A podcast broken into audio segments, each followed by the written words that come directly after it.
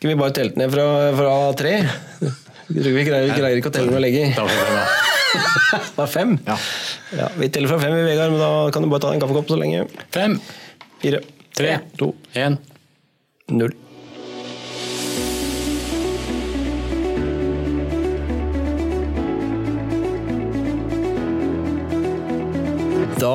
Er det hyggelig å kunne ønske velkommen til en ny episode av Regelpod.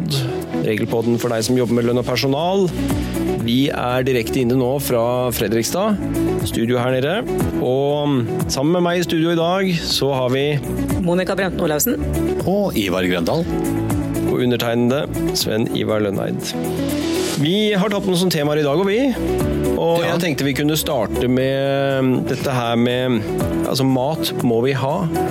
Og det får vi gjerne. For mange virksomheter så har man kanskje en kantine som arbeidsgiver subsidierer Ja. får man et innskudd. Så er det jo spørsmål nå om eh, skatt eller ikke skatt, da. Og da tenkte du på kantinedrift og sånn? ikke sant? Ja. At vi skulle starte med det? Vilkår for skattefritak. Ja. ja. I dag er det ikke damene som er rangen. I dag kliner vi gutta til først, vi. Monica kommer sterkere om litt. Ja, ja, ja. Ja, kantine. Uh, utgangspunktet her er jo at uh, enhver fordel vunnet ved arbeid er skattepliktig, da. Vi må jo starte der. Men så har vi noe unntak i skatteverden. Eh, interessant, er det ikke det? Veldig. Veldig interessant. Eh, og da kan vi jo starte med det enkleste. Kaffe, te, frukt, juice, melk og lignende. Og under og lignende så har vi litt sånn smågodt og sånn kos på fredager. Eh, Det er et skattefritt velferdstiltak, så det kan man liksom holde utenom hele regnskapet som vi snart skal snakke om. Yes. Eh, Du sa subsidiert kantine, mange som har det. Eh, Det som er viktig for deg som arbeidsgiver nå å, å følge med på, det er at for at det skal være et skattefritt eh, velferdstiltak med subsidiert kantine, så må de ansatte dekke innkjøp av råvarer. Altså Råvarekosten må være finansiert av de ansatte sjøl. Gjennom da gjerne kantinetrekk på lønnsslippen, som man oftest da har avtale på. Eh, drift av kantine, altså de som jobber der, eh, lokaler osv., det kan arbeidsgiver dekke. Men innkjøp av råvarer må de ansatte dekke sjøl, fullt ut. Så da må man ta utgangspunkt i reelle utgifter, da, eller? Reelle utgifter, altså eh, innkjøp. Det er, viktig å ha med seg. Så har vi tilfeller hvor man har kanskje ikke en kantinedrift, jeg tenker mer sånn ja, s- spiseromvariant.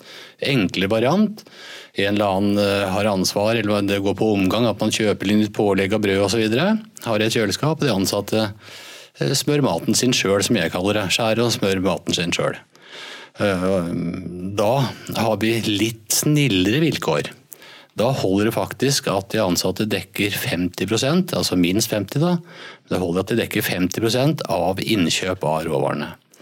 Og husk nok en gang, kaffe, te, melk, jus osv. det kan holdes utenom eh, beregninga her.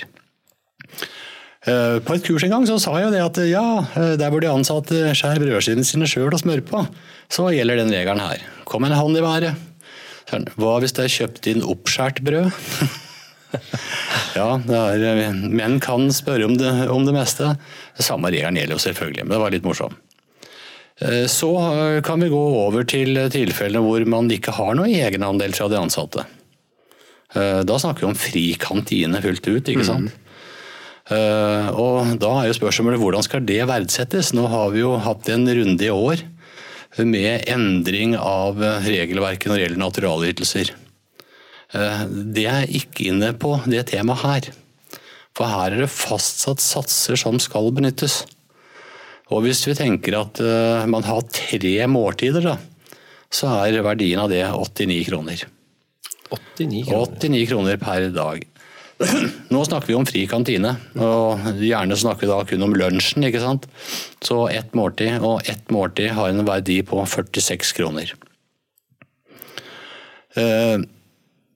Eh, I noen tilfeller så, så betaler kanskje de ansatte en egenandel, men altså det dekker ikke fullt ut. Så hvis du går tilbake igjen til den si, ordinære kantinedriften, hvor du har uh, noen som tilbereder og ordner med mat, kanskje varm mat osv., Eh, så må man jo se på hva er innkjøp av råvarer kontra hva de ansatte er trukket i egenandel. Mm.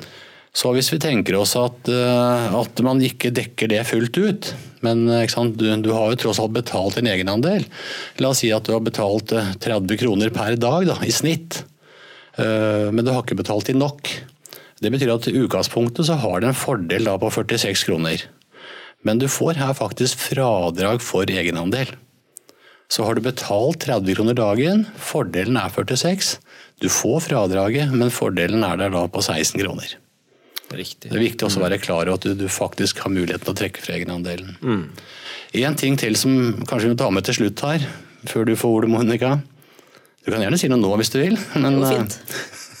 Men eh, det er eh, Mange setter dette her bort til sånn kanti, sånn cateringselskaper og hva de kaller det. Eh, og Da er det viktig at man splitter opp, får splitta opp fakturaen. Får liksom alltid én sum, så er det det som er utgangspunktet. Så det må også framgå av fakturaen hva kostnaden på råvarene er, for å kunne bruke seg av det. Så obs, obs. Eh, er ikke det splitta på fakturaen, så er det hele fakturaen de ansatte må dekke via eh, egenandeler. Det er viktig å ha med seg. Veldig bra. Eh, du har skrevet en artikkel om dette her som vi har sendt ut på Regelnytt denne uka, og lagt ute på Vismas Community i tillegg. Ja, det stemmer. Så der går det an å gå inn der også og lese seg videre på dette her. Ja. Så bra. Og vi har nok tenkt å ta dette her også på lønnsforum. Ja, Eh, det bestemte vi faktisk eh, i går. Eh, og Der er det da selvsagt mulighet til å stille spørsmål hvis du har noen spesielle ordninger som du trenger hjelp til å, å løse.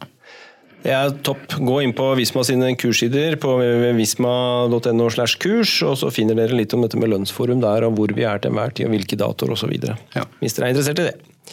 Da tenkte jeg vi kunne flytte oss over på Nå har jo de fleste avvikla ferie. Sommeren er gått. Men så er det jo en del av oss som har igjen noen feriedager, da dette med restferie, og hvordan er på en måte reglene rundt det i forhold til at denne må tas osv.? Ja, Det er jo ferieloven som regulerer dette med, med ferie. og Ferieloven opererer med to begrep, et som heter hovedferie og et som heter restferie. Og Hovedferie det er jo den eh, flesteparten av oss tenker som den lange ferieperioden vi har på sommeren. Og Hovedferieperioden i forhold til loven er jo 1.6 til 30.9. Og Innenfor den perioden så kan arbeidstakeren kreve å få tre uker ferie i sammenheng. Det må man kreve selv? Ja, i utgangspunktet så må man det. Arbeidsgiver kan fastlegge hele ferieperioden til januar, det, men eh, da kan arbeidstakeren komme og si at eh, stopp litt, jeg vil ha hovedferien min i hovedferieperioden, og da er det krav på det. Og Da må arbeidsgiver gå inn og endre på sin opprinnelige plan. Men eh, hvis arbeidstakeren og arbeidsgiveren er enige om at denne ferien skal avvikles på et annet tidspunkt på året, kanskje de ønsker å reise bort til de kalde vintermånedene, så er det helt i orden. Så lenge man er enige om det. Innenfor noen bransjer så er det jo også slik at man jobber fullt på sommeren. Det er da trykket er. Altså Tenk på turistbransjen osv. Og, og så er det stillere på vinteren. Ja. Så eh, Det åpnes jo for andre muligheter, men på en måte dette er jo rammene da, som i utgangspunktet er oppstilt. Um, men så har de også noe som heter restferie, og det er jo på en måte da den ferien som er igjen. Eh, men for å vite hvor lang er restferien, så må vi også vite hvor lang er den totale ferien i løpet av et år. Eh, og Ferieloven gir jo rett på 25 virkedager ferie, men da er det jo greit å merke seg at en virkedag i ferieloven er jo alle sorte dager på kalenderen. Dvs. Si mandag til og med lørdag. Så én uke består jo da av seks eh, virkedager. Eh, og det vil si at 25 virkedager ferie det tilsvarer fire uker og én dag. Og da vet man jo det at Hvis man har avvikla tre uker hovedferie, så står det jo igjen noen feriedager. Da står det igjen én uke og én dag med ferie etter ferielovens bestemmelser. Det er det man da omtaler som restferien. Eh, og Når det gjelder denne restferien, så kommer jo spørsmålet hvem bestemmer egentlig når den skal avvikles. Og Den følger jo ferieloven her. Det er arbeidsgiver som har styringsretten. Arbeidsgiver er den som bestemmer eh, når ferien skal avvikles, men da setter bare ferien opp noen rammer som arbeidsgiveren må forholde seg til. Eh, det er noen regler om drøftning, det er noen regler om underretning, og så er det denne hovedferieregelen på at hovedferieperioden er 1.6 til 30.9. Og da er jo spørsmålet har de noen regler for restferie. Eh, og Regelen som omhandler restferien, den går ikke på plassering på året. Det den omhandler er at arbeidstakeren kan kreve at restferien gis samla. Eh, så hvis arbeidsgiver sier at du får én dag her og én dag der, så kan arbeidstakeren gå inn og si nei, den ønsker jeg å få samla, kanskje man ønsker å reise bort f.eks. Da kan arbeidstaker kreve å få den samla, men det er jo fortsatt arbeidsgiver som bestemmer når på året dette her skal gjøres. Så får vi også av og til inn noen spørsmål må denne restferien tas etter hovedferien. Eh, og det må man jo ikke, selvfølgelig ikke. Den kan tas når som, når som helst eh, i løpet av året. Vi har jo sett noen sånne spesielle tilfeller hvor eh, de ansatte ønsket fri i påskeuka. Mm. Altså, eller at arbeidsgiver sier at du skal ha fri i påskeuka. Sier nei, jeg skal ha restferien samlet. Hva slags muligheter har arbeidsgiver da? Det går jo helt fint å få restferien samla her, da. bare da blir det jo en lengre periode. I og med at de røde dagene i påska vil jo ikke telle som feriedager. Eh, og Da vil det bare bli en lengre periode med fri. Men hvis arbeidstakeren eh, sier at jeg skal kun ha eh, den feriedagen min i påska på disse dagene som jeg ikke har fri, som ikke er røde dager, da kan ikke arbeidstakeren kreve dette. Da må man ha arbeidsgivers samtykke for det, for arbeidsgiver er den som har styringsretten og faktisk eh, fastlegger ferietidspunktet for arbeidstaker. Så hvis arbeidsgiver vil at du skal ha ferie påskeuka, og du krever den samlet, så kan han bare legge noen feriedager foran eller bak, da? Ja, det kan. Ja. Genialt. Dette er jo, også, dette er jo for så vidt ferielovens regler om hvem bestemmer når, og hvor arbeidsgiver har eh, stor grad av styring, naturlig nok. Så man kan sikre seg at man har på en måte den bemanning som trengs til enhver tid. Ja. Eh, men så finnes det vel en og annen arbeidsgiver med noen menneskelige trekk. og som, det er selvsagt, Dette er jo også personalpolitikk, og man prøver å tilrettelegge for eh, de ansatte på best mulig måte, tenker jeg. Det hørtes ja. veldig bra ut. Ja. Og så er det noen arbeidstakere som ikke vil ha den restferien heller, da. Og så lurer de på kan jeg slette ferie, de feriedagene og få penger utbetalt. Ja, Hva med de? Ja, og det svaret på det er at nei, det har man ikke anledning til å gjøre. Den lovfestede ferien er det jo ikke lov til å slette og få økonomisk kompensasjon for. Den må avvikles, så er den ikke avvikla innen ferieårets slutt, så vil den jo bli overført til neste år. Noe som for så vidt også er et tema på Lønnsforum, dette kurset som, eh, som snart begynner å gå. Da skal vi ta opp dette her.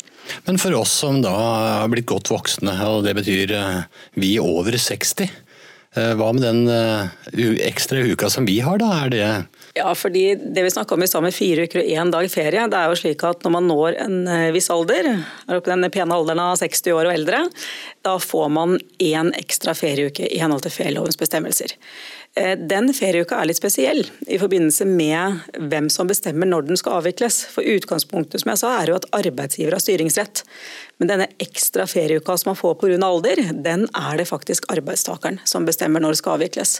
Eh, arbeidstaker må jo varsle arbeidsgiver eh, senest to uker før denne ferien skal tas ut. Men her er det altså helt opp til arbeidstakeren når man ønsker å avvikle denne ekstra ferien. Så sagt med andre ord så sier ferieloven at når du blir 60 år, så har du nådd en alder som gjør at du kan ta noen bestemmelser, alle avgjørelser selv. da. Og Herunder når du skal feriere i løpet av året.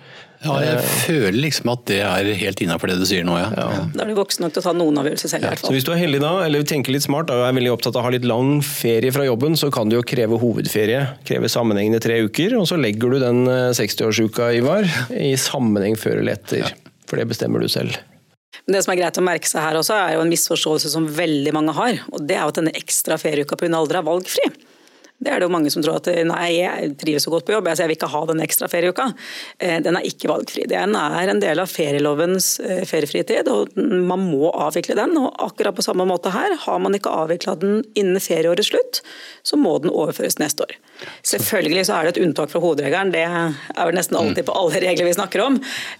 Og det handler om manglende feriepengeopptjening. Altså hvis man ikke har opptjent seg feriepenger nok til å kompensere for lønnsbortfallet under ferien, da har man muligheten til å nekte å avvikle ferie.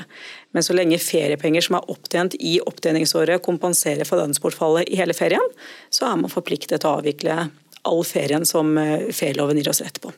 Mm. Det, er jo litt sånn egeninteresse her, det må jeg jo særlig innrømme. Men eh, du sa Sven Iver, at jeg kunne legge eh, ferien, altså den ekstra uka da, uka før eller uka etter de tre sommerferieukene. Eh, hva hvis jeg ønsker Monica, å ta ut enkeltdager, altså annenhver fredag eller noe sånt? Er det innafor? Altså, altså dele opp den 60-årsuka? Hva tenker du Svein Ivar? Ja, det er jo arbeidstaker som eh, tar avgjørelsen her i forhold til når denne ferien skal avvikles. og Det tenker jeg opp til arbeidstaker å avgjøre når den feriedagene skal avvikles. Der er jeg helt enig. Mm. Men Da er det greit å vite da, at hvis man eh, ikke har full stilling, eh, for det er jo noen arbeidstakere som har deltidsstillinger, så sier vi at man får én ekstra ferieuke, men man får ikke flere feriedager enn hva en arbeidsuke består av. Og Det vil jo si at hvis en arbeidstaker jobber tre dager i uken og får den ekstra ferieuken pga. alder og sier at den vil jeg ta ut i enkeltdager, så er det tre enkeltdager ferie. Da får man ikke en full uke som man kan dele opp i enkeltdager. Mm. Samme prinsippet som ferielovens øvrige dager. Mm. Veldig bra. Dette tenker jeg var en eh, god eh, input på, på, dette med ferie. og Vi nærmer oss årsskiftet, som igjen reiser spørsmål om hvor mange feriedager man kan flytte ut neste år. og alt dette her. Men for de av dere som vil lese mer om det, da har vi nok en gang lest artikkelen til Monica i Regelnytt, og eventuelt på Community. Og så vet jeg vi skal snakke om dette her med årsskifte og ferie og feriedager og hva man kan flytte til neste år og alt det der, eh, på lønnsforum her også. Det skal vi. Men nå har vi snakka litt om dette med varsling da, i forbindelse med ferie, men det skjer vel noe annet i forbindelse med varsling i ja, arbeidsmiljøloven, gjør det ikke det? Jo, det stemmer. Um, og det kan vi jo ta kort nå, og så komme tilbake igjen til det. For det er jo endringer på gang i forhold til disse varslingsreglene som sikkert mange av dere har hørt om, eh, som finnes i arbeidsmiljøloven. Eh, dette at man skal varsle hvis det er ting som er kritikkverdig på jobben, og at man da også heller ikke har gjort rett til å måte, gjennomføre noen form for gjengjeldelse for de som varsler. Eh, der har vi eh, fått vedtatt nye regler fra 1.1.2020. Som bl.a. vil gå på at man vil ta inn i arbeidsmiljølovens formål dette med at man vil ha et godt klima på norske arbeidsplasser og senke terskelen for, for dette her med ytringer og ytringsklima. Så det blir en ny, ny bit der. Og så virkeområdet, som blir flere arbeidstakere også som vil omfattes av varslingsreglene etter de nye bestemmelsene. Blant annet så vil det eh, innebære at elever, verne- og tjenestepliktige pasienter og personer eh, under opplæring osv. vil falle inn under disse reglene, sånn som de ikke gjør i dag. Eh, og så har vi noen vanskelige begreper, skjønnsmessige begreper i varslingsreglene i dag. Altså Hva er en gjengjeldelse? Og, og dette med kritikkverdige forhold, hva er det egentlig?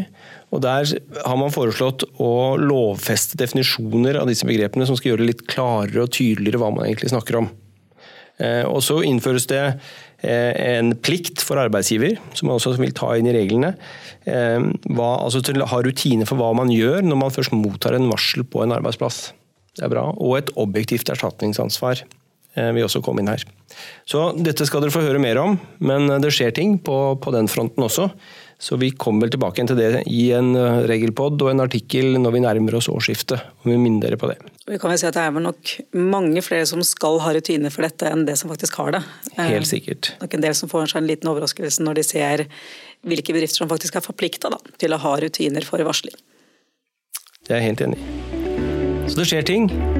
Eh, og med det så tenker jeg vi eh, rett og slett skal ønske lytterne våre en riktig god helg, og så kanskje gå og ta oss en matbit i vår subsidierte kantine.